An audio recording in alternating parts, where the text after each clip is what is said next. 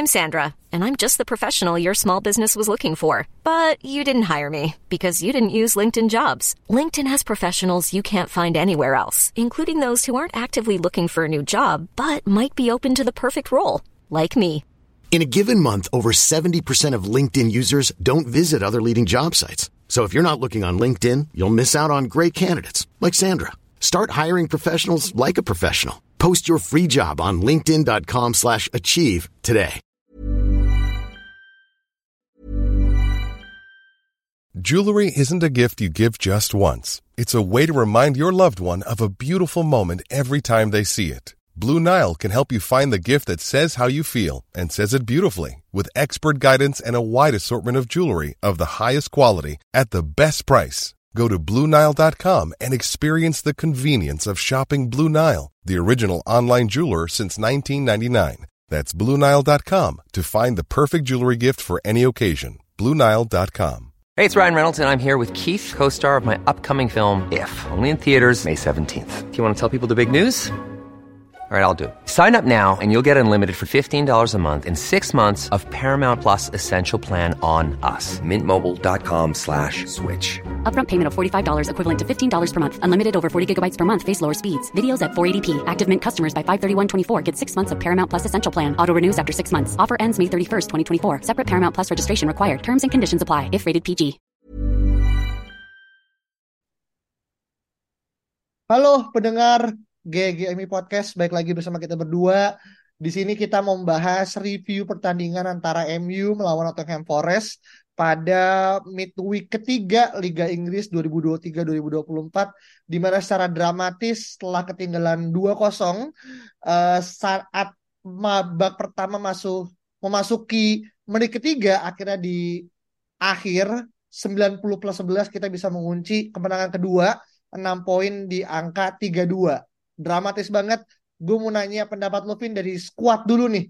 Di mana Anthony Martial main, Rashford dikembalikan ke habitatnya di kiri, Anthony tetap di kanan dan midfield tetap menggunakan musim lalu tanpa ada Mason Mount. Komentar Vin? Iya, untuk line up sebetulnya ini sesuai prediksi ya, karena em, di kiri Luxo cedera dan digantikan sama Diogo Dalot. Kemudian Mason Mount cedera, digantikan Erikson dan Garnacho yang main jelek itu akhirnya diganti oleh Rashford yang sepertinya lebih bagus bukan sepertinya tapi memang dia jauh lebih bagus main di kiri gitu. Dan akhirnya dengan Martial yang udah sembuh akhirnya dia main jadi penyerang gitu. Nah untuk kanan kayaknya emang Anthony udah nggak kegeser ya gitu kan karena emang udah jadi pemain kesayangannya Ten Hag gitu. Jadi satu sisi gue setuju gitu kan adanya perubahan kecil tersebut terutama si Rashford karena di dua match pertama jadi penyerang bener-bener nggak kelihatan tapi satu sisi sebenarnya gue berharap bahwa akan ada perubahan yang lebih besar lagi karena gue merasa banyak pemain yang underperform dan harus diberikan shock effect gitu. Dan kemarin juga terlihat juga kan gitu kan di awal-awal kayak aja 5 menit lu kebobolan 2-0 tuh udah udah cacat banget gitu loh gitu tapi untungnya bisa bounce back kan gitu tapi untuk line up memang ya lu nggak ada pilihan lagi sih Hmm, oke. Jadi kalau secara line up predicted ya, dan gue yakin juga Ten Hag nggak tone deaf ya. Berarti mendengarkan juga apa yang menjadi aspirasi dan terbukti banget uh, Rashford main di kiri cukup lumayan nyala lah ya, ketimbang dia main di tengah yang cenderung statis gitu kan. Dan ada nggak komentar terkait dengan kembalinya Anthony Martial masuk ke squad Vin? Dalam arti kan dia main kalau nggak salah 70 menit ya. Sebelumnya akhirnya digantiin kan segala macam gitu. Tapi lu ada komen nggak dia akhirnya uh, mulai masuk dan ia mencoba untuk apa ya mungkin memberikan uh, wajah baru gitu karena kan so far di dua match terakhir kita bermain pure sebenarnya tanpa striker gitu.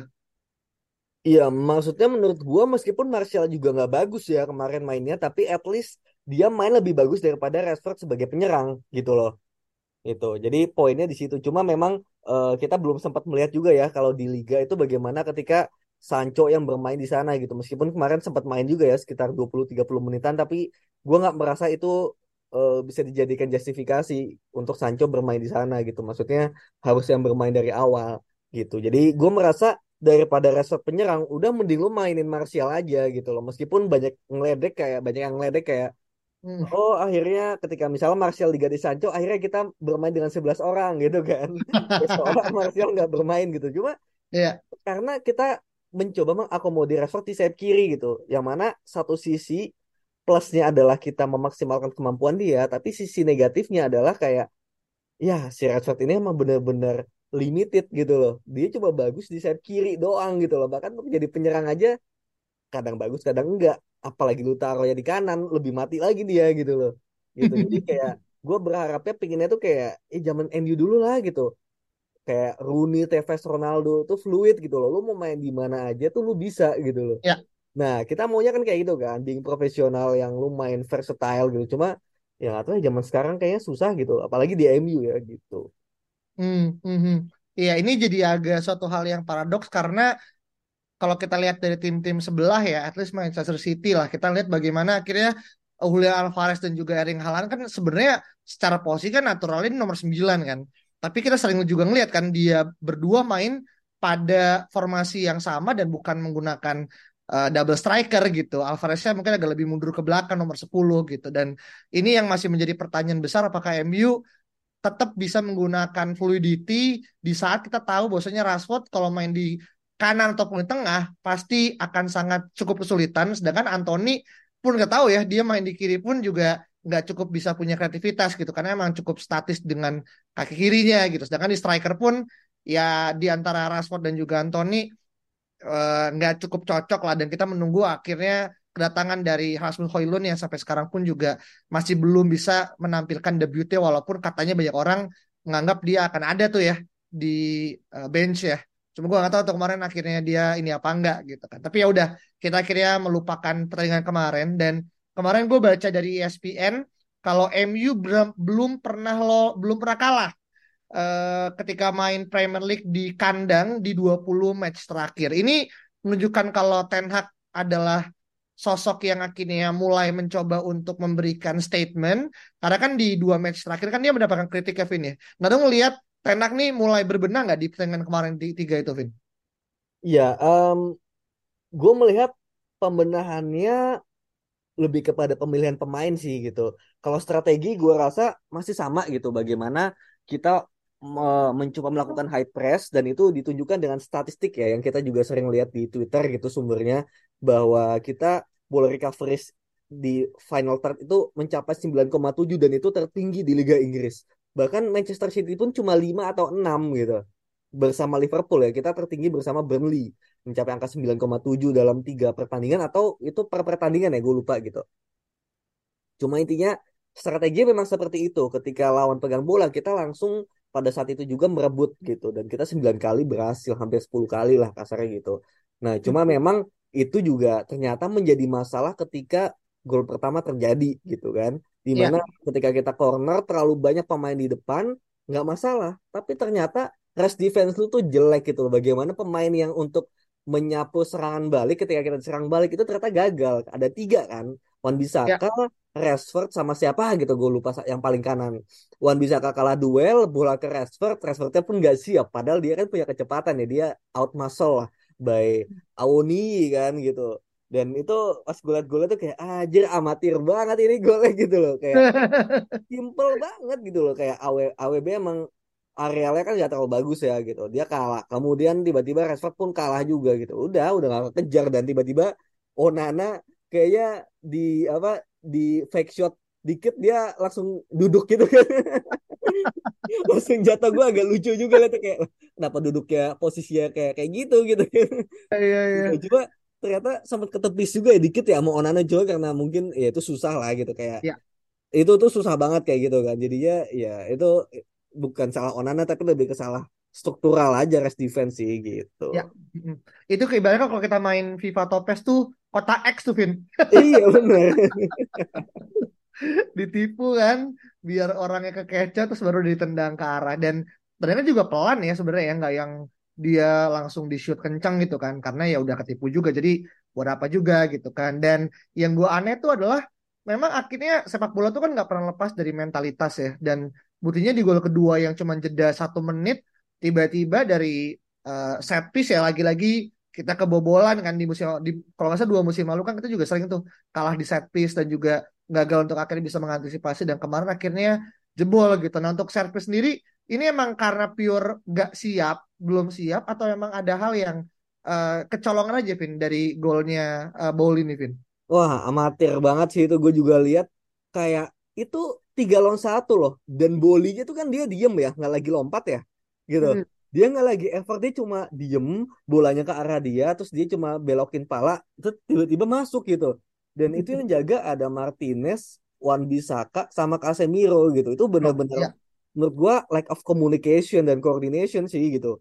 Kayak kita tuh menang jumlah di situ bahkan menang apa namanya kayak ya lu bisa lah tiga lawan satu gitu tapi kok bisa kecolongan itu benar-benar ya komunikasi dan juga apa ya kayak lu nggak fokus gitu mungkin lu kaget juga kan karena benar-benar habis kebobolan habis itu tiba-tiba bola kerebut ke Nottingham kan terus Nottingham maju lewat sayap kanan dilanggar Dalot free kick langsung gol lagi gitu loh. Ya saya kita tuh belum sempat pegang bola yang nyerang banget tiba-tiba hmm. udah gol lagi tuh apa ya, kaget sih shock gitu. Tapi ya. terlalu amatir lagi-lagi ya gol set piece itu menurut gua sangat-sangat gak boleh terjadi men gitu. Masalahnya seorang Casemiro men gitu loh. Iya. Bukan salah Casemiro ya juga sendirian ya salah struktural lagi-lagi gitu. Cuma ini sangat-sangat gak boleh terjadi lagi sih. Padahal kalau kita lihat ya di mungkin menit ke satu ya Emi kan juga nyerang ya dari tendangannya Anthony kan. Ya. yang mana itu udah menurut gue udah kayak itu udah open chance banget gitu. Sayangnya Matt Turner emang refleksnya juga oke okay, gitu kan. Dan makanya ketika akhirnya golnya ayo awo apa awoni awoni i akhir terjadi itu menurut gue kayak hah? Ini kok dari hot hot ke call tuh de deket banget gitu ya. Kayak bener-bener kayak kita kita baru nyerang deh gitu. Kita baru dapat angin segar eh tiba-tiba anginnya berhembusnya langsung sebaliknya gitu. Dan ini ya. menurut gue adalah hal yang sangat-sangat harus menjadi perbaikan ya. Karena tentu kita bisa comeback salah satunya juga karena Tottenham Forest kan juga bermain dengan 10 pemain ya. Uh, yeah. Setelah akhirnya uh, Bruno akan dijatuhkan di apa namanya kotak uh, ya depannya adalah depan tipis dari kotak penalti gitu. Karena buat akhirnya MU secara jumlah lebih banyak. Walaupun juga golnya juga nggak nambah-nambah lagi ya gitu ya. Cuman stuck di di tiga dua doang gitu. Tapi oke okay lah. Kita akhirnya bisa mengamankan tiga poin dan sekarang duduk di peringkat ke enam lima, lima ya? Lima apa enam gitu. Iya dengan enam poin dan terpangkut dari peringkat pertama uh, kalau nggak salah West Ham ya. Dan juga Tottenham tuh ya cuma satu poin doang sebenarnya gitu. Jadi nggak yang jelek banget lah kita masih bisa untuk akhirnya racing balik untuk nanti di week keempat segala macam. Nah tapi kalau misalkan ada satu nama nih yang akhirnya mungkin cukup memberikan dampak yaitu adalah Bruno Fernandes gitu kan. Uh, our skipper dia based on status dia tuh menempati urutan pertama dari empat statistik. Big chance created chance created uh, sama satu lagi itu expected assist gitu. Nah, lu ngelihat gimana sosok Bruno kemarin, Vin? Apakah dia adalah orang pembeda yang cukup bisa memberikan huge statement gitu? Atau lo emang lihat kemarin emang akhirnya MU kembali pada level di mana ya kita adalah king of comeback gitu? Iya, yang menurut gua apa ya terlepas dari comebacknya emang emang nggak boleh main gitu. Lo lo lo nggak dimaafkan lah lo kebobolan dua gol di menit awal apalagi lima pemain di kandang lawan Nottingham gitu itu sangat nggak boleh terjadi. Apa iya lu mau kayak gini terus gitu loh. Meskipun King of Comeback tapi nggak gini juga kali gitu loh. Ini terlalu amatir. Kecuali lu comebacknya untuk dua gol yang memang pantas untuk kebobolan lah kasarnya gitu. Lo lawan tim ya. lawan tim gede atau memang permainan lawannya emang bagus juga gitu loh. Tapi ini tuh konyol gitu dan kayak lu menang tuh udah seharusnya gitu dan nggak seharusnya menang dengan cara sesusah payah ini gitu. Jadi menurut gue kalau dari sisi King of Comebacknya ya itu menunjukkan memang punya mentalitas tapi nggak nggak kasarnya lu untuk bangkit tuh nggak sampai harus ditampar dulu gitu loh. Lu harusnya udah udah langsung meroket tanpa harus di dibanting jatuh dulu gitu. Dan untuk Bruno Fernandes gue pun kayak uh, bagus banget dia kemarin MOTM dan uh, satu gol penalti, satu assist juga gitu. Dia emang sangat-sangat bagus kemarin dan juga mungkin juga karena koneksi dengan Erikson ya emang udah nyambung gitu loh. Dibandingkan koneksi dengan Mason Mount gitu yang sama-sama double eight sama-sama maju ke depan jadinya kurang bagus lah gitu. Sedangkan Erikson kan kita lihat kemarin dia sering mundur ke belakang. Either dia main di tengah atau dia jadi di apa di di apa kayak di back kiri ya posisinya gitu untuk build up dari belakang gitu. Jadi udah lebih bagus kalau sama Erikson gitu. Sedangkan Mount dia belum sampai level itu loh seperti Erikson. Jadinya mungkin itu juga yang bikin Bruno Fernandes juga apa ya kebingungan lah kasarnya gitu ya. Kalau sama Erikson udah udah nyambung jadi ya ini ini kayak musim lalu aja gitu permainannya. Bruno-nya bagus, timnya juga Hmm? bagus, Erikson pun bagus gitu. Mhm, iya, tapi selain daripada akhirnya mungkin uh, lagi perform ya dan kita bisa mengembalikan keadaan karena mental dan gol dari Erikson, Bruno dan juga Casemiro ya dari trio midfield kita gitu kan. Tapi benar-benar kelihatan tuh di bench itu kita nggak punya banyak kedalaman gitu ya selain daripada Shaw yang cedera gitu. Bahkan nama sekelas Dangor ya itu pun juga masuk kan ke dalam uh, bench juga gitu kan. Yang mana akhirnya yang totally emang menjadi nama yang cukup bisa membuat perubahan ya mungkin sekelas Sancho ataupun McTominay gitu kan dan lihat ya udah gitu kita nggak punya banyak nama lah nah kemarin kalau misalkan nih misalkan kita kemarin kalah gitu apakah urgensi untuk mempercepat proses transfer yang harus datang tuh akan semakin eh, apa ya semakin terlaksana Vin atau lu ngerasa kemenangan kemarin ujungnya jadi kayak ngebuat mungkin toh juga menang gitu.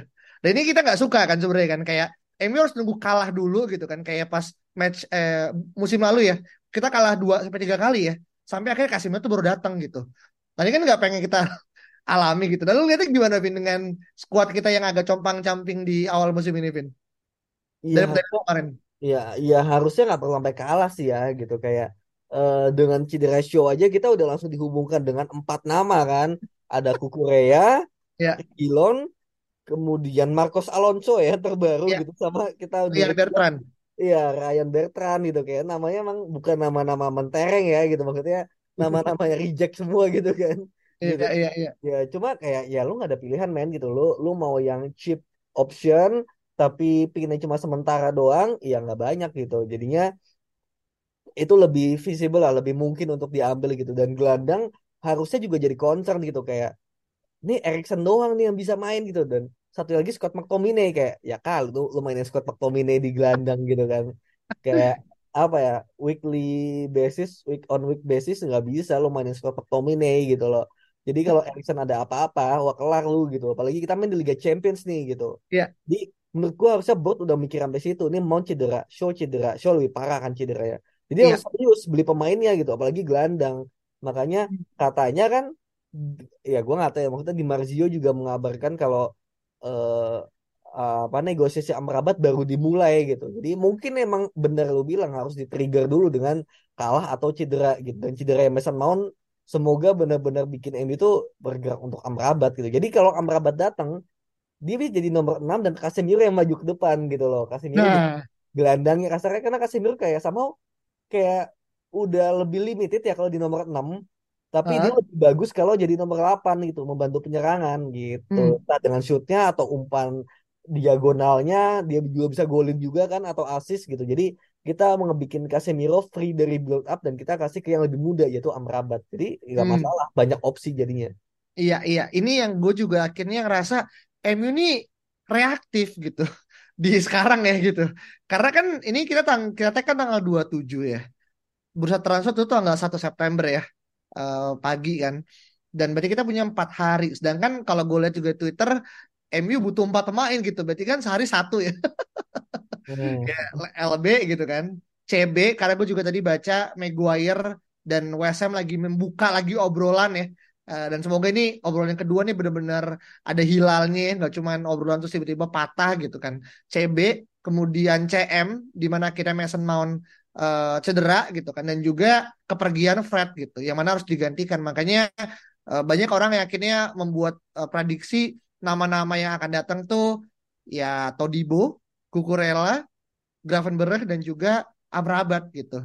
Dan menurut lo nih, meskipun kita nggak ngebahas transfer ya, dan ini pure emang hasil dari apa yang kita lihat melawan Forest kemarin, empat nama ini adalah nama yang cocok untuk bisa mulai tune in di week keempat nggak kira-kira, Vin? kalau week keempat lawan Arsenal ya Ya, eh tanggal berapa sih lawan Arsenal Arsenal itu oh tanggal 3 ya. Wah enggak siap. sih, kayak terlalu mepet sih kayaknya. Gitu. Hmm, Mungkin ya latihan sekali lagi lah. Mungkin mungkin after international break kali ya baru bisa main gitu. Kalau hmm, misalnya di di di ininya apa namanya? di lawan Arsenalnya gue nggak yakin kecuali memang uh, kita udah resmikannya dari sekarang gitu loh mungkin masih bisa gitu tapi kalau nanti baru resminya di apa midweek gitu di hari Rabu atau Kamis kayak nggak mungkin sih. Kan prosesnya panjang juga. Iya iya iya. Iya sih ini yang gue takutin ya karena kita juga gue juga baru sadar ya uh, game weeknya MU tuh dari awal tuh udah cukup berat ya. Tottenham gitu kan terus juga Arsenal gitu. Iya. Aduh ini nanti uh, abis lawan Arsenal kita lawannya Brighton sama Burnley. Hmm. iya berat lah itu iya kita akan melihat apakah uh, title atau title contender yang akhirnya mungkin banyak orang idam-idamkan bisa nggak nih kita lihat hilalnya pada akhir Desember lah gitu ya.